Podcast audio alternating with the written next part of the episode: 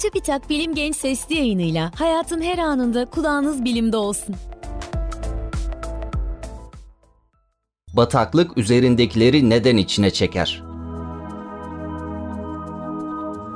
Bataklıklar kum gibi tanecikli yapıdaki maddelerden, kilden ve sudan oluşan karışımlardır.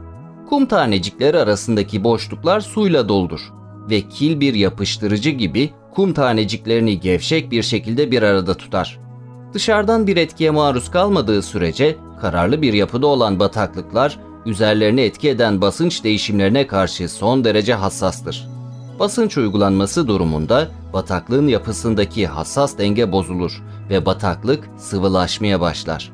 Sıvılaşma, kum taneciklerinin arasındaki suyun basıncının uygulanan yükü taşıyabilecek büyüklüğe ulaşmasıyla bir arada duran kum taneciklerinin birbirinden ayrılarak hareket etmesi olarak tanımlanabilir. Basınç arttıkça sıvılaşma artar. Bu nedenle bataklığın üzerindeki cisim batmaya başlar. Başlangıçtaki basıncın neden olduğu sıvılaşmadan sonra bataklıktaki su ve kum ayrışır. Bunun sonucunda su yoğunluğunun ve kum yoğunluğunun fazla olduğu bölgeler oluşur.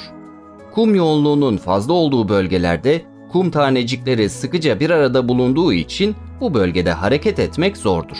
Yapılan bir araştırma, bataklığın içindeki kum yoğunluğunun fazla olduğu bölgelerde saniyede 1 santimetre hızla hareket edebilmek için gerekli kuvvetin orta büyüklükteki bir otomobili kaldırmak için gerekli olan kuvvete eşit olduğunu gösteriyor.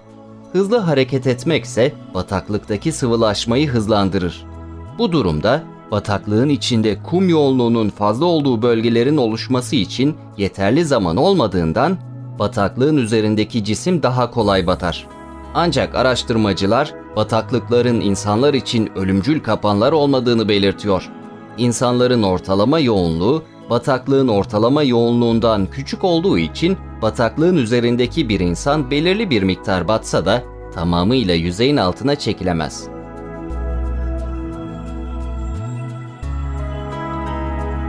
Bilim Genç Sesli yayınlarını SoundCloud, Spotify, Google ve Apple Podcast kanallarımızdan takip edebilirsiniz.